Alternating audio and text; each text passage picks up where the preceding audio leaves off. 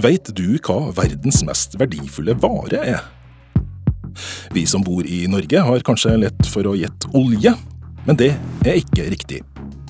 Det er heller ikke gull, sølv, diamanter eller en annen fysisk vare.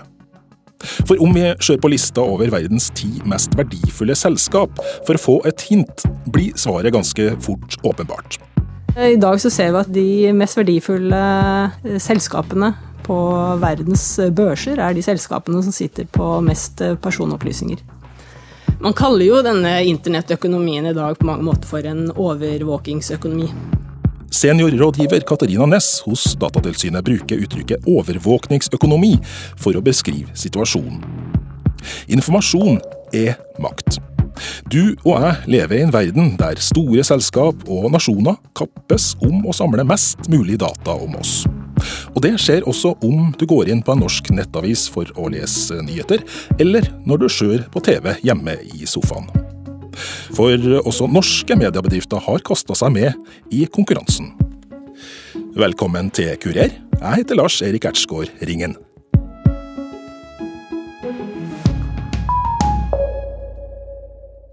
Facebook is an idealistic and optimistic company. For most of our existence, we focused on all of the good that connecting people can do. And as Facebook has grown, people everywhere have gotten a powerful new tool for staying connected to the people they love. Om du har fulgt med på nyhetene de siste ukene, så har du helt sikkert fått med deg den såkalte Cambridge Analytica-skandalen. Omfattende personopplysninger knytta til 87 millioner Facebook-brukere ble delt med det britiske analyse- og rådgivningsselskapet Cambridge Analytica, som igjen brukte informasjonen til å påvirke det amerikanske presidentvalget. En hardt pressa Facebook-gründer Mark Zuckerberg måtte gi Senatet sin unnskyldning for en drøy uke siden. We didn't take a broad enough view of our responsibility, and that was a big mistake. And it was my mistake, and I'm sorry. I started Facebook, I run it, and I'm responsible for what happens here. Men det er altså ikke bare store amerikanske selskap som Facebook og Google som samler personlig informasjon om oss. I 2015 ga Datatilsynet ut rapporten Det store datakappløpet. I arbeidet med denne rapporten sjekka tilsynet seks norske nettaviser, og resultatene var oppsiktsvekkende. I gjennomsnitt fikk over 40 forskjellige tredjepartsaktører tilgang til det som skjedde på nettavisa. Elleve annonsebørser, tolv kjøper- og selgerplattformer, tolv datahåndteringsplattformer, åtte datameglere og 13 dataanalyseselskap fikk opplysninger om hva de som besøkte nettsidene gjorde, i minste detalj. Den norske mediebransjen har altså kasta seg med i det Datatilsynet kaller det store datakappløpet. Vi spurte digital rådgiver og medieanalytiker Marius Karlsen hos nettsida Helt Digitalt om han tror mediehusene tar godt vare på personopplysningene de samler om meg og deg. Det er et vanskelig spørsmål. Jeg tør verken å si ja eller nei. Um, men det tyder jo på at jeg egentlig burde ha sagt nei. Jeg tror ikke de har kontroll, for å være helt ærlig. Hvordan er det egentlig de bygger opp eh, profiler om hvordan vi er, egentlig? Jo, men Det begynner i det små. Det begynner du alltid. Det er jo at du går inn og leser en sak, og da vet vi veldig lite om deg. Hvis du bare er inne og leser en sak og går ut. Men så gjør du, gjør du det over tid. Og så begynner du å danne deg et bilde av hva er dine interesser. Du, og du, du, avslører det jo fort med at du, du går og leser de sakene som du interesserer deg for. Og så kan det lages da en, en, veldig detaljert profil over Det skal ikke mange klikk til for at du skjønner at du er en mann. Du skjønner hvilken aldersgruppe du er i. Du legger allerede igjen informasjon om hvor du bor. Og dermed så begynner du å lage deg et bilde av hvem er den personen her. Og, og hvordan kan vi da bruke den dataen da til å tilpasse våre tjenester? For det er jo der mediebransjen gjør en for dårlig jobb, i mine øyne. For det er ikke noe problem å å hente ut brukerdata, så lenge du er ærlig på overfor brukeren at vi henter ut data fra deg. Men det alt mediebransjen gjør, det er at vi henter ut brukerdata for å tjene mer penger. Vi gir i veldig liten grad personalisert opplevelse basert på den brukerdataen vi tar. Hva brukes informasjonen til i norske mediehus? Jo, men det er to hoveddeler. Det ene er altså det at vi bruker data, eller bruker data for å målrette annonsering, som betyr at vi kan ta mer penger for hver visning. Hver gang noen leser en sak, eller hver gang noen trykker på en sak, så er det altså en sidevisning, og da er det visning av en annonse. Og jo mer målretta den annonsen er, jo mer penger kan vi ta fra annonsørene. Og så Det andre viktige er jo at vi bruker det til å selge abonnement. Den 25. mai blir EUs nye og langt strengere personvernforordning til en del av norsk lov. Målet er å sikre vårt privatliv oppi denne nye digitale tidsalderen. Den nye personvernloven vil begrense mulighetene for å spionere på oss uten at vi får greie på det, og skal i tillegg gi oss muligheten til å si nei. Og oppå det her har de siste ukas fokus på Cambridge Analytica-skandalen ført til en offentlig debatt om temaet. Men digital rådgiver Marius Carlsen mener at eh, den saken egentlig ikke har vist oss noe vi ikke visste fra før. Det som er interessant med den saken, der, det er å se hvor grenseoppgangen går mellom det å påvirke og det å manipulere. Det at de har brukt brukerdataen, er nå en skål, men hvor går grensa mellom at du ønsker at noen skal kjøpe flere ski i sportsbutikken din, til at du eh, bruker de, den dataen til å manipulere folk til å plutselig få lyst på noe de egentlig ikke trenger, eller få lyst til å endre politisk mening, som i, i det her, eh, det her tilfellet. Eh, så at data er et utrolig mektig verktøy, et, et farlig verktøy i de gale hendene. Men bryr vi oss egentlig om privatlivet vårt på nettet? Karlsen mener at folks reaksjon på Facebook-skandalen gir oss et hint og det ser vi også, at selv om at Facebook åpenbart har rota og gjort en dårlig jobb, og, og, alle vet det, det har vært skrevet opp og ned og side i mente, så er brukerne der fortsatt. Det er ikke noe brukerflukt fra Facebook. Det er kun mediebransjen som skriver om noen få enkeltsaker der noen særinger hopper av. Men det er ikke noe flukt. De merker ikke noe. Det er ikke noe annonsørflukt fra Facebook. Tvert om jeg må helt ærlig talt si at jeg føler meg ganske maktesløs når det kommer til, eh, til det her, og jeg tror ikke vi som forbrukere vil greie å endre noe. Jeg tror vi trenger politisk hjelp for å sette noen grenser for hvordan eh, de store teknologigigantene og mediehusene bruker den dataen som vi legger igjen. Hvor ofte leser du på nettavisene? Hver dag. Tror du det er noen som følger med på hva du driver på med når du er inne og leser nyheter? Uh. Ja, det er sikkert noen som følger med. Og vet hva jeg klikker på. Hvem tror du gjør det? Det er jo de som eier nettsiden nå. Hvor mange selskap tror du gjennomsnittet er som, som sjekker hva du driver på med når du er inne på VG f.eks.? Nei, det har jeg ikke noen anelse om. 43 er gjennomsnittet. 43 er gjennomsnittet, ja. Ok. Ja, da skal jeg tenke litt mer over hva jeg Ja, Hva tenker du om det, egentlig? At det er så mange som følger med på hva du driver på med når du er inne på i nettsida? Nei, Jeg skjønner ikke helt hva de skal med, skal med all den Eller hva, hva de vil med den informasjonen. Hvis man er litt uheldig og klikker på en reklame, da vet du. Da kommer det reklame på e-post og Facebook osv. Hvis jeg sier at det er gjennomsnitt 43 selskap som henter informasjon om hva du driver med når du er inne på ei norsk nettavis, hva tenker du da? Da må jeg si som en trønder, nå ble jeg skremt, ja. Det spiller ingen rolle for meg, ikke redd noen. Så jeg bare sjekker hva jeg gjør eller ikke gjør. Det er totalt ute. Så folk er altfor nervøse for sånne ting. Hvor ofte er du innom og leser nyheter på nettavisa? Og det er noen ganger i uka. Ikke hver dag, men inniblant. Tror du det er noen som følger med på hva du interesserer deg for og hva du leser når du er innom en nettavis? Ja, man leser jo om det, at man blir fulgt med på. så det kan jo godt tenkes, men jeg tenker jo ikke noe over det. da. Hva om jeg sier at i gjennomsnitt så er det 43 selskap som henter informasjon om hva du leser når du er innom en gjennomsnittlig norsk nettavis. Hva tenker du da? Nei, da tenker jeg at uh, jeg er heldig som ikke har noe å skjule, å si.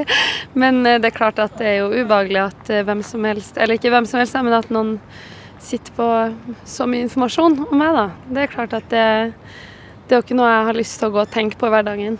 At noen følger med. De vi snakka med på gata i Trondheim, vet som vi hørte lite om eh, hvor mange det er som faktisk titter over skulderen deres når de er på nettet. Seniorrådgiver Katarina Nes hos Datatilsynet er tydelig når hun beskriver tingenes tilstand. Man kaller jo denne internettøkonomien i dag på mange måter for en overvåkingsøkonomi. Og siden den foregår i det skjulte, så har jo mange av disse selskapene heller ikke noe insentiv til å samle inn mindre data om oss. Og vi ser jo nå at eh, sånn som selskap som Facebook da, sitter på en enorm makt. Når man vet så mye om den enkelte, så har man også svært stor makt. Og man kan få en sånn maktubalanse i samfunnet hvor de store selskapene blir store og dominerende. Og enkeltindividet blir veldig lite sammenligna med disse selskapene. Vi eh, har ikke helt, vi vet ikke hva de vet, og hvordan de bruker det de vet. Og det kan gjøre oss sårbare for manipulering, sånn som denne Cambridge Analytica-saken har vist. da. I 2015 så valgte jo da dere i Datatilsynet å kalle denne undersøkelsen for Det store kappløpet. Eh, hvorfor det? De selskapene som har størst verdi i dag, er de selskapene som klarer å persontilpasse eh, budskapet til den enkelte. Og for å være best i klassen på det, så trenger man mye data. Og da blir det da et kappløp om å sitte på største datamengder. Og nå er jo også dette med kunstig intelligens blir større og større. Viktigere og viktigere. Og for å utvikle god kunstig intelligens, så trenger man også mye data. Så nå ser vi et kappløp mellom eh, aktører i Europa, aktører i USA og i Kina om å samle inn mest data for å bli verdensledende også innen kunstig intelligens. Så det er derfor vi kaller dette et datakappløp. Hvem vinner kappløpet? Ja, det Nå er det jo veldig spennende å se hvordan Kina og USA Hvem som skal vinne der. Og Kina ligger jo på en måte godt an. Og en av grunnene til at de ligger godt an, er at de ikke har eh, en personvernlovgivning slik vi har i Europa da, og til dels USA. Så kinesiske selskap de kan samle inn data og bruke disse dataene på, uten de samme restriksjonene som i USA og Europa. Og det kan gjøre at de kan kanskje utvikle en kraftigere og mer treffsikker kunstig intelligens framover. Men når det nye europeiske personverndirektivet, GDPR, kommer den 25. mai, så er det en mulig game changer, ifølge seniorrådgiver Katarina Nes hos Datatilsynet. Macron, presidenten i Frankrike, gjorde nylig et intervju med Wired hvor han sa at eh, Europa, vi har eh, verdier og vi har idealer, og vi må bygge vår kunstig intelligens og våre forretningsmodeller basert på disse verdiene, sånn at kunstig intelligensen understøtter demokratiet istedenfor å bryte det ned. Så den nye personvernforordningen den gir jo på en måte mer makt tilbake til enkeltindividet. Så enkeltindividet skal ha mer kontroll over sine data og kunne, for å oppveie noe av denne maktubalansen overfor de store virksomhetene.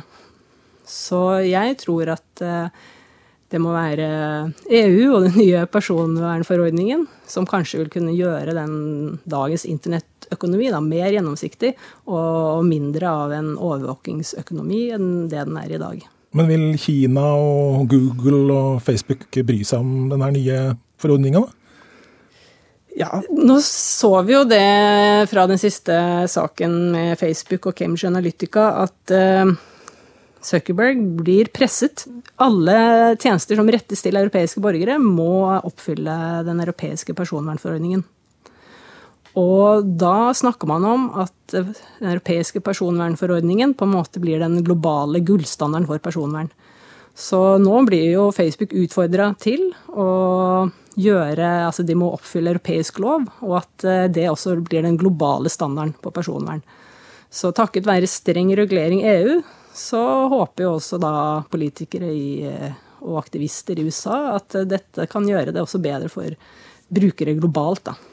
Seniorrådgiveren forteller oss hvordan den nye personvernloven som kommer om en måneds tid, vil beskytte oss bedre mot det hun kaller for en overvåkningsøkonomi.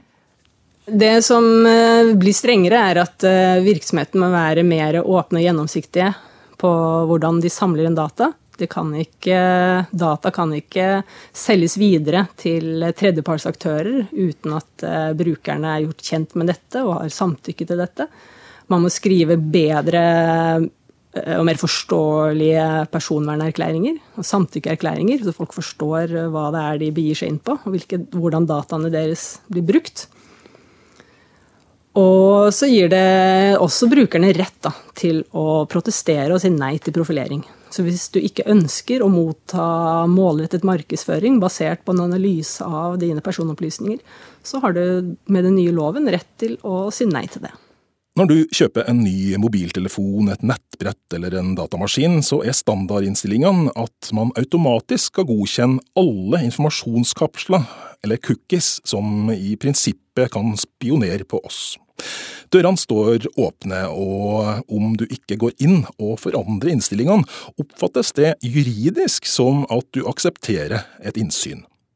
Katarina Nes i Datatilsynet forteller at et nytt europeisk kommunikasjonsdirektiv, som kommer parallelt med de nye personvernlovene, vil forandre òg det her. Så der forventer man at det vil bli en innskjerping av reglene, og at denne i Norge, da, denne tolkningen har i Norge, at den eh, trolig da vil, eh, vil, eh, ikke vil stå seg lenger når ny eh, kommunikasjonsvernlov kommer. Går inn på vg.no. Så kommer det kjapt opp eh, sju stykker der, i hvert fall på forsida. Da er vi også på fire som er knytta til reklame, og tre som er knytta til Site Analytics, som sikkert handler om å analysere min bruk av nettsida. Og det er bare på forsida. Og hvis jeg går inn på Aftenposten i tillegg, etter å ha vært inn på Adresseavisa, så får jeg opp bare sju til å begynne med, men de har helt sikkert kobla sammen allerede at jeg både har vært på Adressa og at jeg har vært på Aftenposten. Og de har helt sikkert tatt tida på hvor lenge jeg var på den ene før jeg gikk til den andre. Ja, nå gikk vi inn på TV 2. Du har eh, valgt å blokkere for annonser, og da får du opp en melding, faktisk. Ja, da får jeg faktisk opp en melding om at uh, det er jo annonsene som TV 2 tjener penger på. Og de bruker jo de pengene for å lage spennende innhold til meg. Og det har jeg jo god forståelse for. De ber meg derfor om å hviteliste TV 2, sånn at jeg fortsatt kan få reklame på deres nettsider. Det er klart at det er en inntektskilde for dem. Så TV 2 ber deg om å stole på TV 2, da? Det gjør de, men de sier jo ikke så veldig mye mer enn det. Så de forteller meg hvordan jeg kan skru på annonsene, men de sier ikke noe mer om hva slags informasjon de samler inn, og hva de bruker det til. Maria Bortnes er forskningssjef hos Sintef Digital og er ekspert på datasikkerhet. Når vi går inn på norske nettsider med det samme verktøyet som Datatilsynet brukte for tre år siden, får vi opp merkbart færre såkalte trekkere som spionerer på oss enn det de fikk for tre år siden.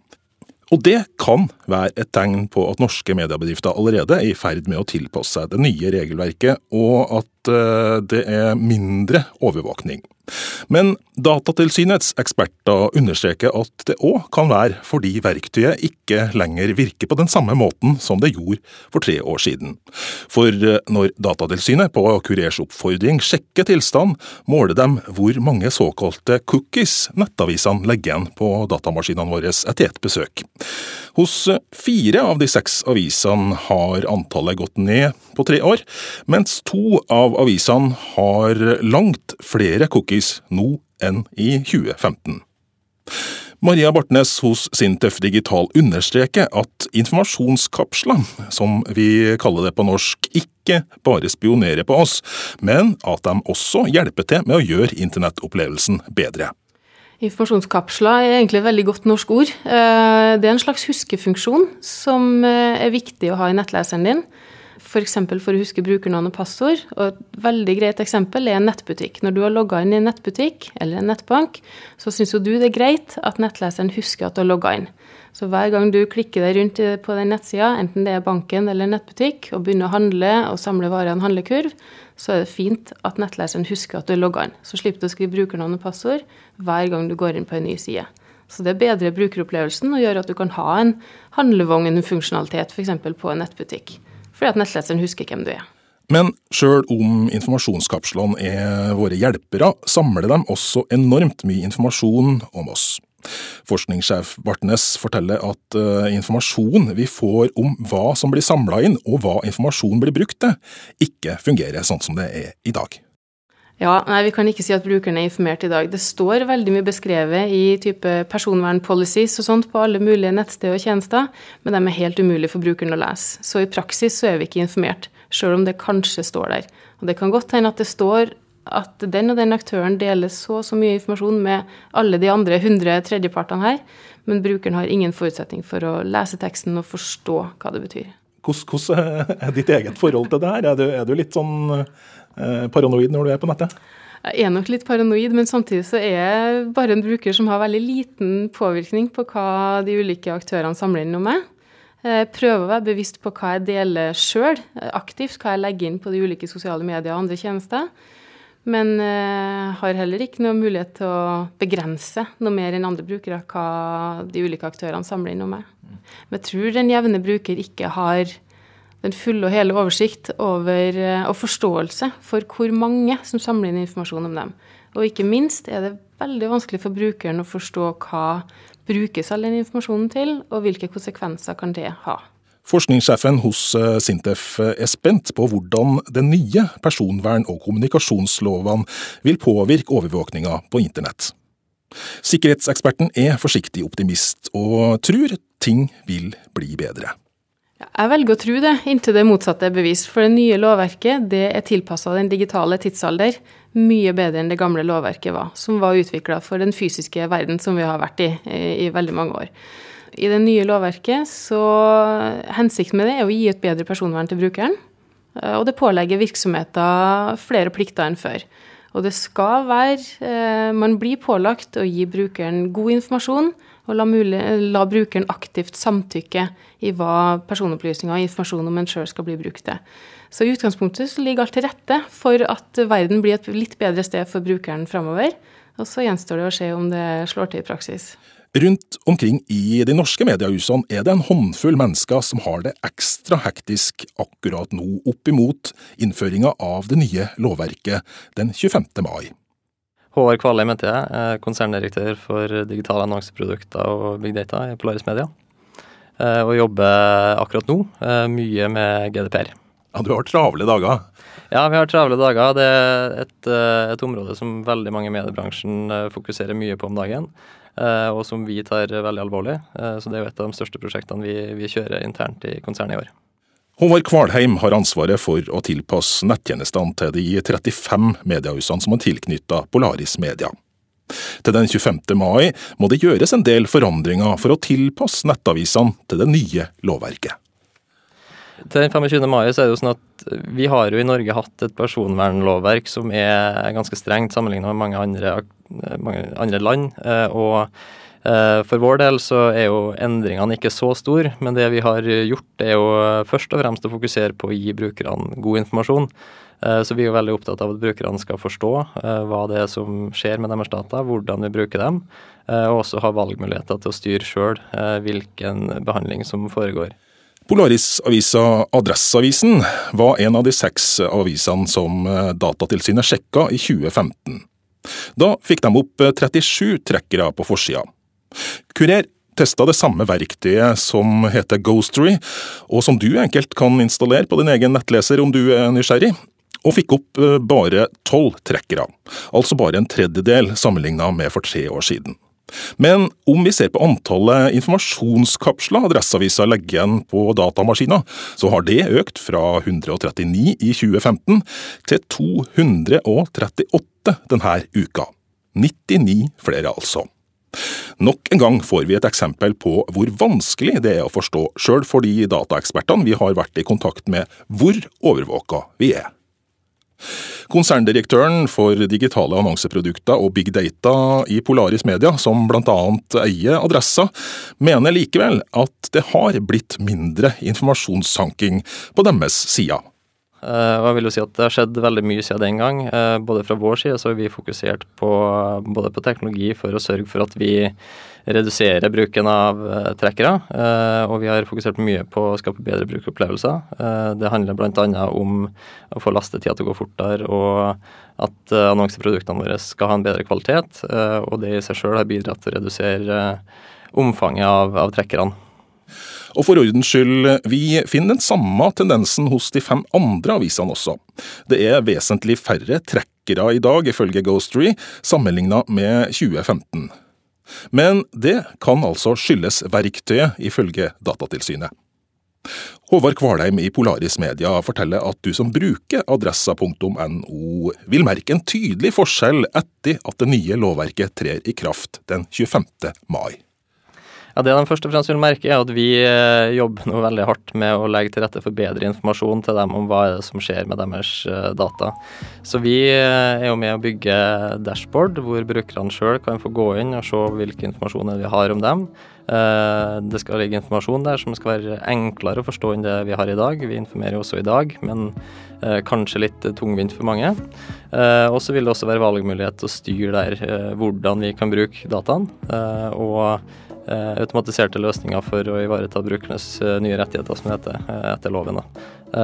Og også etablere personvernombud internt, som er brukernes representant, og som vi involverer i alle, alle diskusjoner om hvordan vi kan bruke data.